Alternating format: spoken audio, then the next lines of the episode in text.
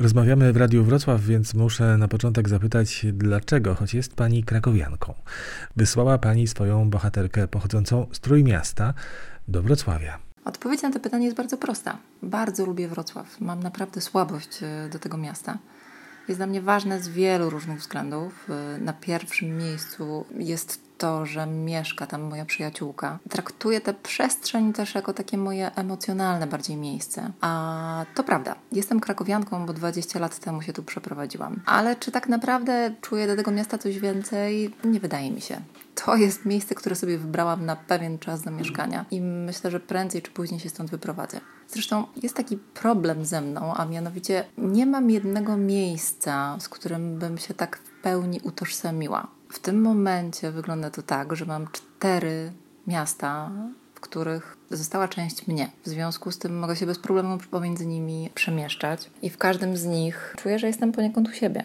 Pierwsze to jest oczywiście Gdańsk, bo w Gdańsku się urodziłam i mieszkałam tam przez pierwsze 20 lat mojego życia. Drugie to jest Gdynia, która jest dla mnie bardzo ważnym miejscem, bardzo ważnym ze względu na wspomnienia, które się z nią wiążą wspomnienia, które też ukształtowały mnie jako człowieka. Potem jest Kraków, w którym mieszkam no już też od 20 lat i oczywiście Wrocław. O Wrocławiu zresztą myślałam całkiem niedawno, żeby się tam przeprowadzić. Już nawet poważnie się brałam do planowania tej przeprowadzki, ale nic z tego nie wyszło. A teraz myślę, że jeżeli miałabym się stąd wyprowadzić, to chyba jednak do Gdyni, dlatego że podczas pracy nad książką, nad Czarnym Morzem, i nad kolejną. Bardzo dużo czasu spędziłam w tym miejscu y, i też szukając materiałów przeróżnych, które myślę, że przydadzą mi się do trzeciej albo czwartej książki. No przynajmniej takie są moje plany.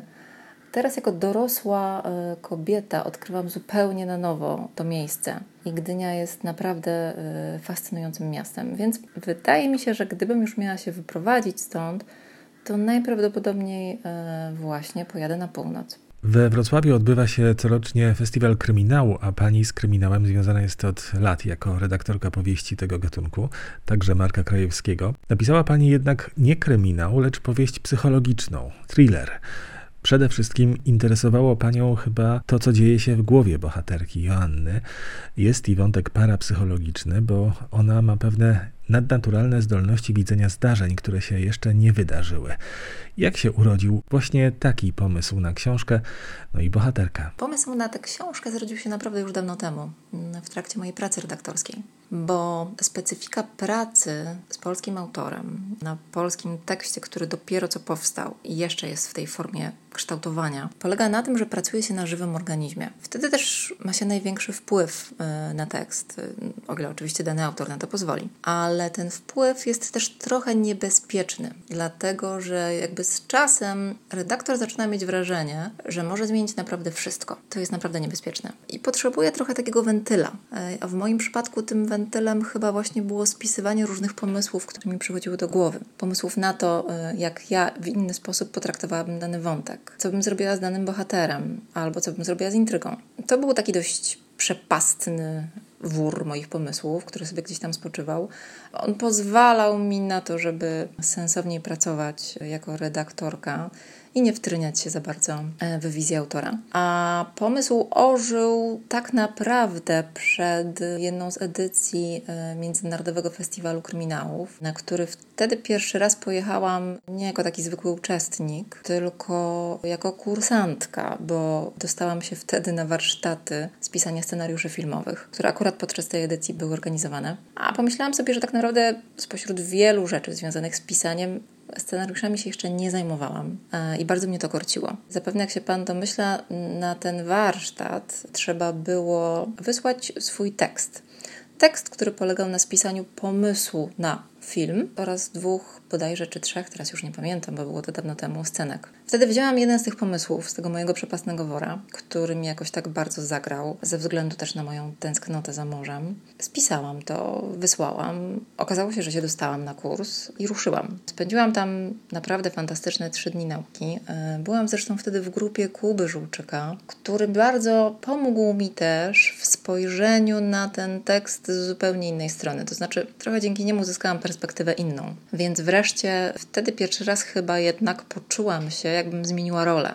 To znaczy z redaktorki stałam się autorką. Autor z zasady nie ma dystansu do swojego tekstu i bardzo mu się przydaje spojrzenie redaktora. I dokładnie, dokładnie to wówczas dostałam na tym kursie. Książka później, pomysł na książkę oczywiście jakby zmienił się y, dość zasadniczo, bo powykreślałam mnóstwo punktów z intrygi. Zmieniłam miejsce, y, zmieniłam trochę bohaterów, trochę ich ruszyłam z tej kanapy, bo moja bohaterka w tym moim planie jeszcze filmowym właściwie nic nie robiła, tylko leżała i marudziła, co Kuba skwitował dość, yy, dość ostro. No ale dzięki temu zmieniłam diametralnie pomysł na tę książkę. Jako redaktorka Krajewskiego, Chmielarza, Guzowskiej czy Siembiedy wie Pani o pisaniu kryminałów wszystko. Nie ciągnęło Pani do kryminału? Nie, zdecydowanie nie ciągnęło mnie do kryminału.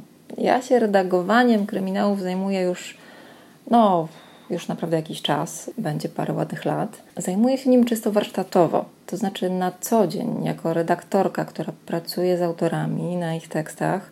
Ja jestem tą osobą, która rozkłada intrygę na czynniki pierwsze, która analizuje pomysł, sprawdza, czy wszystko gra. Ja jestem tą osobą, która musi jakby podważyć każdy element tej intrygi, żeby się przekonać, czy nie ma tam żadnej luki. A kiedy się w ten sposób pracuje z kryminałem, po pierwsze człowiek nabiera olbrzymiej pokory do warsztatu pisania kryminału, po drugie skutecznie go to zniechęca, a po trzecie potrzebowałam czegoś innego niż y, tworzenie intrygi kryminalnej. No, oczywiście jakby w mojej książce też dość ważnym elementem jest intryga, ale ważniejsza, przynajmniej dla mnie, ważniejsza rzecz to było budowanie, budowanie atmosfery. Tej takiej specyficznej atmosfery, która momentami się ociera atmosferę grozy. Kryminał powstaje zwykle w jasno wytyczonym przez reguły rytmie.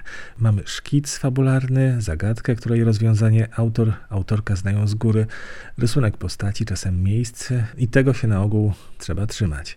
Przy okazji Czarnego Morza było inaczej czy podobnie? Znaczy, zawsze jak się pisze w pewnej określonej konwencji literackiej, należy się trzymać pewnych zasad. Każdy gatunek literacki ma swoje oczywiście własne zasady. Co prawda między thrillerem a kryminałem one się trochę zacierają i momentami przechodzą e, jedna w drugie.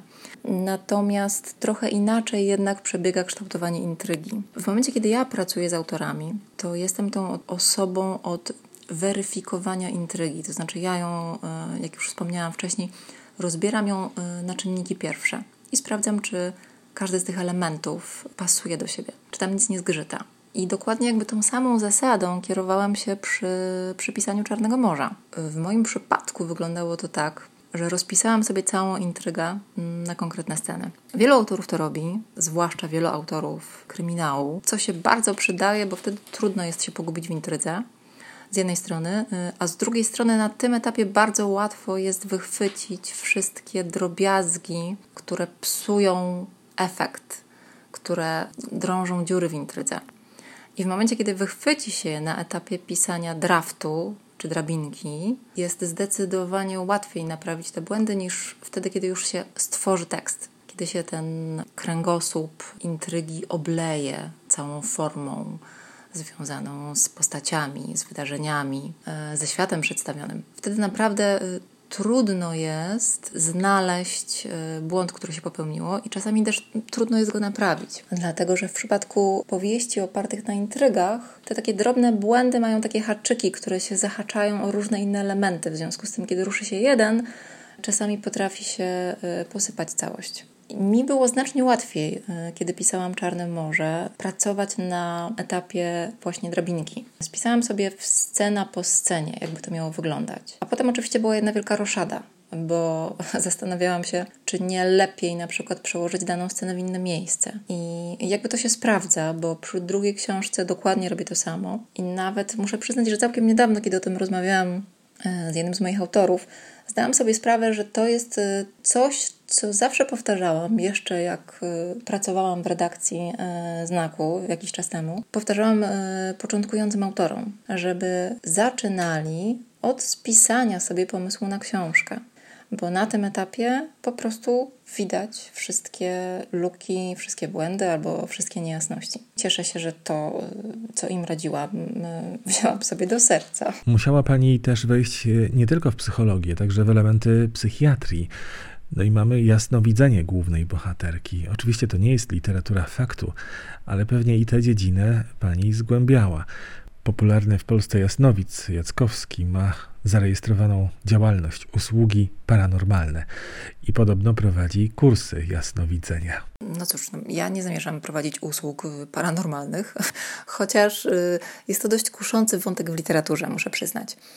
W polskich powieściach on się raczej zdarza rzadko, bo albo już autorzy idą w stronę horroru i powieści grozy, albo w stronę powieści fantastycznej, albo po prostu jakby unikają w ogóle tego całego świata paranormalnego, świata nadprzyrodzonego, jak zwał, tak zwał. To, na czym mi bardzo zależało w przypadku Czarnego Morza, to takie pokazanie tego wątku, żeby mógł stanowić element choroby psychicznej. Bo y, moja bohaterka Joanna przez całe swoje życie y, leczy się psychiatrycznie. Ma pewnego rodzaju zaburzenia.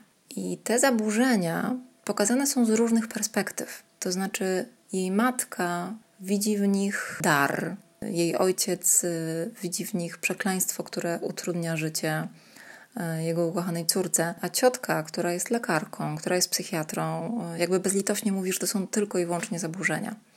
Jakby w tym wszystkim, w tym trójkącie tych różnych perspektyw jest moja bohaterka, która sama nie do końca wie, co ma o tym sądzić.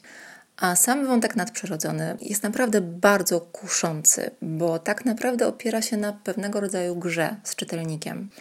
I to jest y, gra, w której autor zamienia się trochę w takiego stworzyciela tego małego świata, małego świata na potrzeby jednej książki. I to autor ustala zasady. I to autor jest tą osobą, która trochę pociąga jakby za sznurki. Oczywiście czytelnik ma tę wolną wolę, że może po swojemu zinterpretować różne wydarzenia. I to jest właśnie coś, co szalenie lubię, zarówno w literaturze, mm, jak i w filmach. Czyli to jest takie trochę zrównoważenie pozycji i czytelnika, i narratora, bo narrator ma swoją własną historię, którą chce przekazać, a czytelnik ma tych historii mnóstwo, tysiące w głowie. One są powiązane z jego doświadczeniami, z jego potrzebami, e, z jego temperamentem, tak naprawdę ze wszystkim.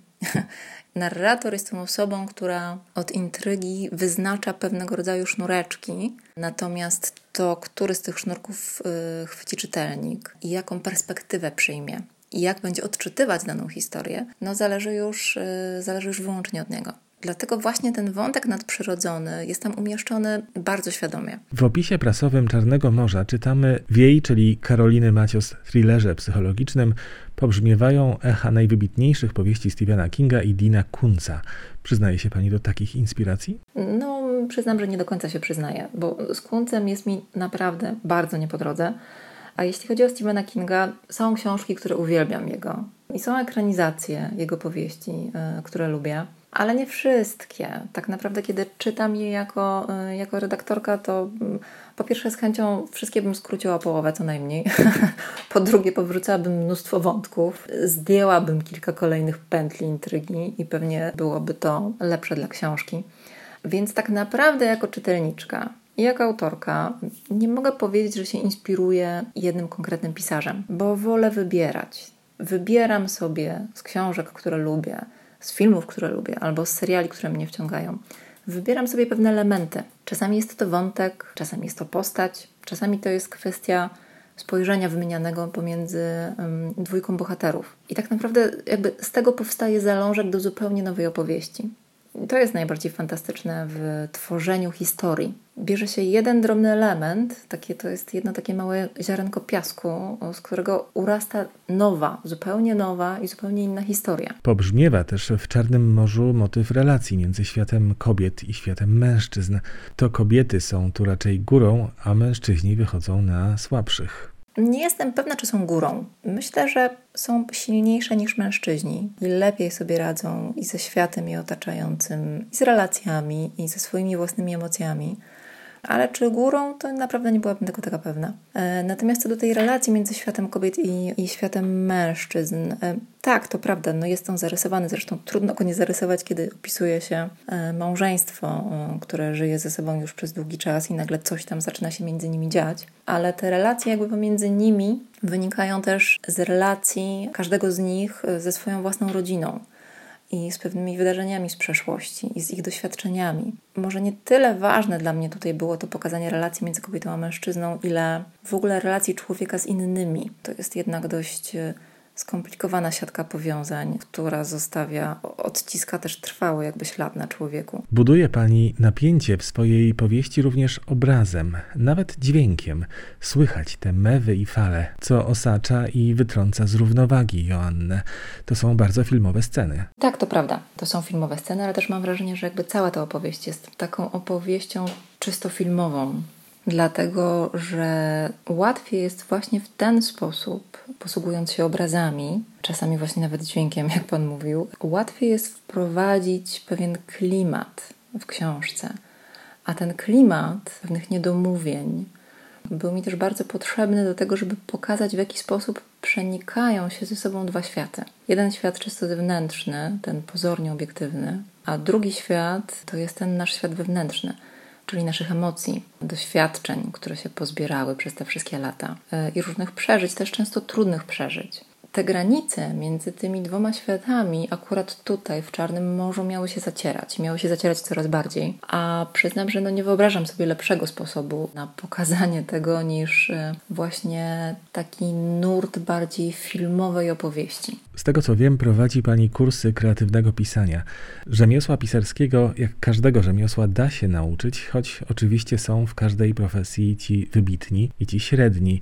A jest coś, czego nie można nauczyć? Nie do końca to jest prawda. To znaczy, nie prowadzę kursów kreatywnego pisania, bo nie za bardzo wyobrażam sobie siebie w roli nauczycielki. Piszę programy kursów pisania.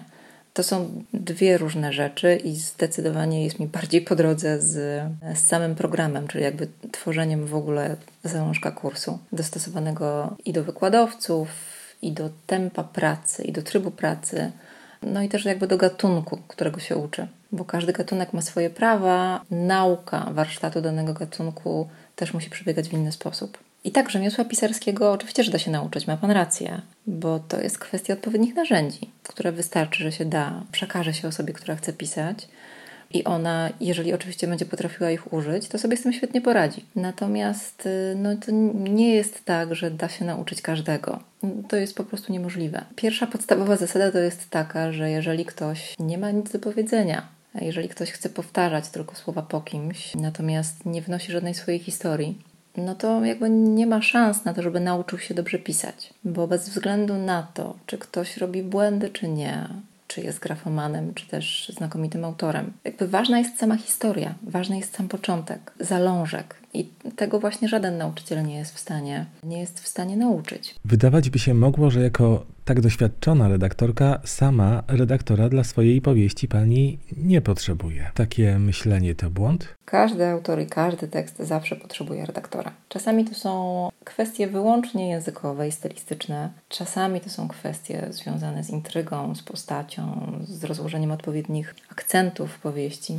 Więc jakby ta praca redakcyjna jest dość pojemnym pojęciem i e, może się różnić w zależności od e, potrzeb danego autora oraz od tekstu, rzecz jasna. Ale to jest absolutnie niemożliwe, żeby wydać, e, samemu napisać książkę i samemu ją wydać. Dlatego, że bez względu na to, jak bardzo doświadczony jest autor, to każdy popełnia ten sam błąd, a mianowicie traci dystans do własnej książki. A kiedy traci się dystans, y, to nie zauważa się po prostu błędów. I to jest zupełnie naturalne. Jako, że ja na co dzień jestem redaktorką i zwracam na to uwagę, to sądziłam, że uda mi się tego uniknąć oczywiście. To było błędne myślenie, bo jak się okazało, y, redaktorka wychwyciła masę rzeczy y, w książce, których ja najzwyczajniej w świecie po prostu wcześniej nie widziałam. Więc nie, nie wyobrażam sobie sytuacji, w której można by oddać swoją książkę y, bez wysłuchania chociażby uwag redaktorskich. Porozmawiajmy przez chwilę o pracy redaktorki. W przypadku powieści obyczajowej wydaje mi się taka praca łatwiejsza niż w przypadku kryminału, gdy logika zdarzeń, fabularne detale bardzo się liczą. Czytelnicy tego gatunku zwracają na nie szczególną uwagę. Musi pani dobrze pamiętać, co Mok robił, jak był ubrany, z kim się spotykał. Pan Marek jest niezwykle skrupulatnym autorem, ale jego trzeba chyba sprawdzać. Robi pani notatki, rysuje jakieś portrety, linie życia bohaterów? Ta logika zdarzeń, e, o której Pan wspomina, mm, no to jest jakby nic innego jak intryga, jeśli chodzi o kryminały i thrillery. Rzecz z nią ma się dokładnie tak samo w przypadku zamkniętych, odrębnych e, historii, jak i w przypadku cykli powieściowych, bo za każdym razem trzeba ją sobie spisać i właśnie do tego służą notatki. I tak, kiedy ja pracuję z komputerem, to jednak zawsze mam przy sobie e, zeszyt i pióro, żeby zapisywać sobie różne detale, bez względu na to, czy należy tę intrygę poprawić, czy nie. Osobna kwestia to jest kwestia bohatera, który nam przechodzi z powieści do powieści. O ile jeszcze zdarza się tak, że każda kolejna powieść to jest odsłonięcie w czasie, tym linearnie postrzeganym czasie. W związku z tym z każdą powieścią bohater się nam po prostu starzeje, czyli przesuwa się nam o jeden kawałek dalej. To jest dość proste w ogarnianiu tego wszystkiego. Gorzej jest, a właśnie Marek to robi, czyli Marek skacze z mokiem.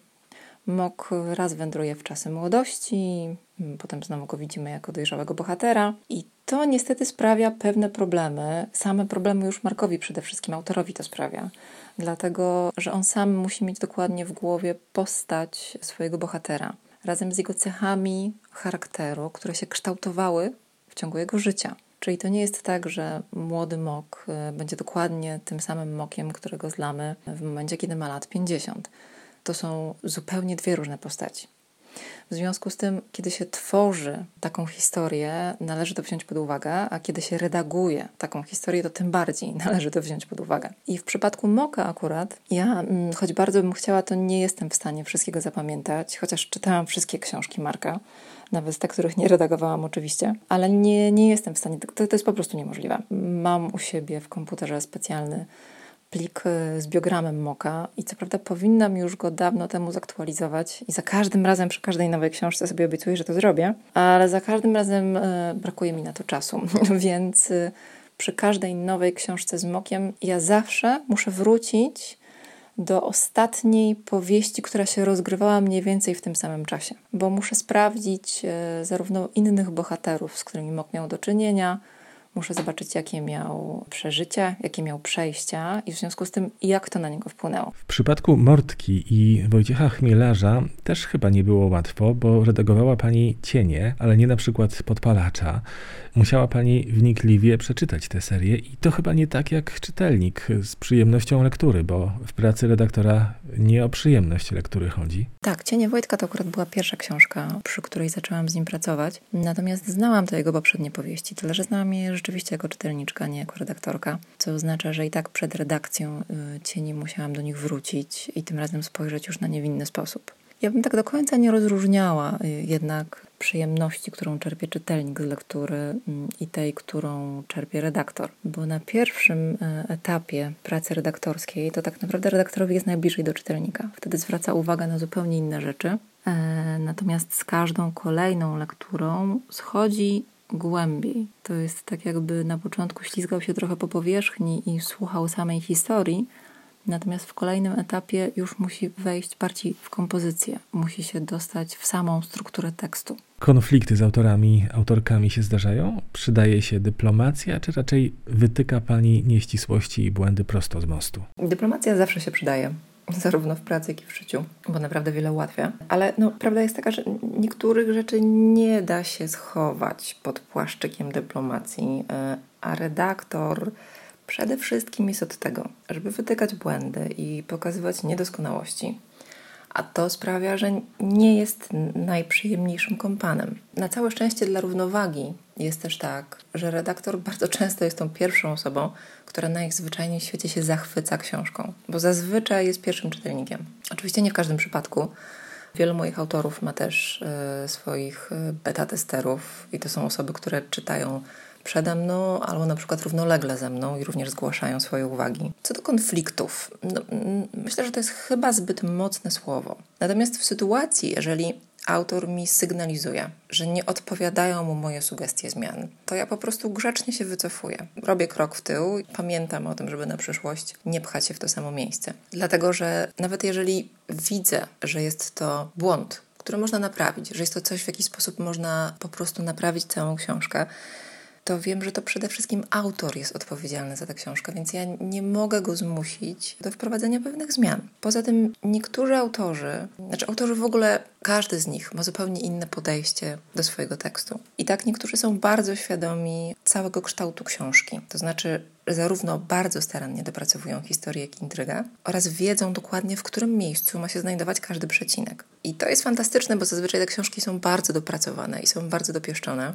Z drugiej strony jest to trudna praca, bo cokolwiek chce się zmienić, no to jest batalia o każdy przecinek, ale tak też bywa oczywiście. E, natomiast są też tacy autorzy, którzy bardziej się skupiają na historii. Sam kształt książki, kompozycja czy struktura językowa jest na dalszym planie i na przykład wtedy zazwyczaj chętnie przyjmują większość tych sugerowanych zmian. Jak dotąd były trzy takie przypadki, e, że po pierwszej książce urwaliśmy współpracę i to jakby obie strony wolały zrezygnować. No, tak też się zdarza, że nie zawsze zaskoczy pomiędzy autorem a redaktorem. No i wtedy najlepiej po prostu jest urwać. Rozmawiałem kilka tygodni temu z Maciejem Siembiedą przy okazji premiery Wotum. Pytałem go o kolejną książkę. Wiem już nawet, jak będzie się nazywać i wiem też, że podobało się Pani jej drafty. Po drodze będziemy mieć sporo innych książek w Pani redakcji. Będzie i Mok, i Popielski w maju, a kolejna powieść Karoliny Macios? Kiedy? Tak, pan Maciej już y, pracuje nad nową książką. To samo jest zresztą z Markiem Krajewskim, który już też siedzi i y, pisze kolejną powieść. A z książek, które się niebawem ukażą, to na pewno jest kryminał y, Anny Kańtoch i nowa powieść Wojtka Chmielarza i nowa powieść Kuby Ćwieka. To są książki, które już są skończone. Co do Marty Guzowskiej, wiem, że pisze, ale nie wiem, kiedy skończy, więc czekam na sygnał od niej. Co do mojej książki y, kolejnej, jest już napisana, jest skończona, w tym momencie jest na etapie redakcji, ale szczerze mówiąc, nie mam zielonego pojęcia, y, czy się ukaże w tym roku, czy nie. Zdaje się, że chyba jeszcze nikt tego nie wie. Y, wszyscy wiemy, jaka obecnie jest sytuacja i czekamy, aż się wyjaśni. Na rynku książki jest dziś duża konkurencja. Powieści sensacyjnych wydaje się mnóstwo, samych polskich tytułów rocznie ponad 200. Co dziś decyduje Pani zdaniem o sukcesie? O tym, że tytuł, nazwisko się przebija, a inne nie. Pyta Pan teraz o przepis na bestseller. Niestety nikt nie zna na to odpowiedzi. To, że ktoś świetnie pisze i ma wiele do powiedzenia, nie przesądza jeszcze o sukcesie książki. Raczej, żeby dany autor się przebił, musi dojść do połączenia kilku elementów. Tak, po pierwsze, to musi być dobra historia. Po drugie, musi być dobry warsztat y, pisarza. Po trzecie, musi być wydawca, który będzie umiał pokazać tę książkę. To znaczy, zarówno ją wypromować, jak i ją dystrybuować. Po czwarte, y, no, widać to zwłaszcza teraz, musi być odpowiednia sytuacja w mediach, bo jeżeli jest inny temat, ważniejszy, który zajmuje całą przestrzeń medialną, to nie da się tam za bardzo wcisnąć y, opowieści o książce. To się też wiąże poniekąd z odpowiednim czasem wydania książki. Tu akurat bardziej chyba chodzi mi o konkurencję. To jest zwłaszcza ważne dla debiutantów, bo kiedy ukazuje się pierwsza książka danego autora, to istnieje spora szansa, że zmiotą ją z powierzchni i na pewno spółek w księgarniach, bestsellery już wydawanych i czytanych od lat y, pisarzy. I jeszcze jedna rzecz tutaj jest dość istotna, a mianowicie dobry kontakt autora z czytelnikami. Nie da się teraz pisać książki, po czym schować się w domu i nie uczestniczyć w żaden sposób w życiu, w kontaktach z czytelnikami. To jest już niemożliwe. Być może kiedyś tak się dało, teraz już nie. Prawda jest taka, że nigdy się nie pisze dla siebie, tylko pisze się dla innych. W związku z tym trzeba się spotykać z czytelnikami, trzeba z nimi rozmawiać. To jest podstawa relacji pomiędzy czytelnikiem a autorem. No i tak naprawdę rzadko się zdarza, żeby ten sukces y, przyszedł od razu po pierwszej książce. Znacznie częściej jest tak, że to jest efekt mozolnej pracy i to wielu osób, bo oczywiście autor jest osobą, która tworzy książkę, wymyśla historię i jest odpowiedzialna za tę książkę. Ale autor jest tylko frontmanem, bo za nim zawsze stoi cały zespół, który pracuje na jego sukces. Bardzo dziękuję za rozmowę. Ja również bardzo dziękuję i życzę Państwu, żebyście przetrwali w tym trudnym czasie. Czytali dużo książek, bo to zawsze pomaga. Gościem wieczoru z kulturą była Karolina Macios.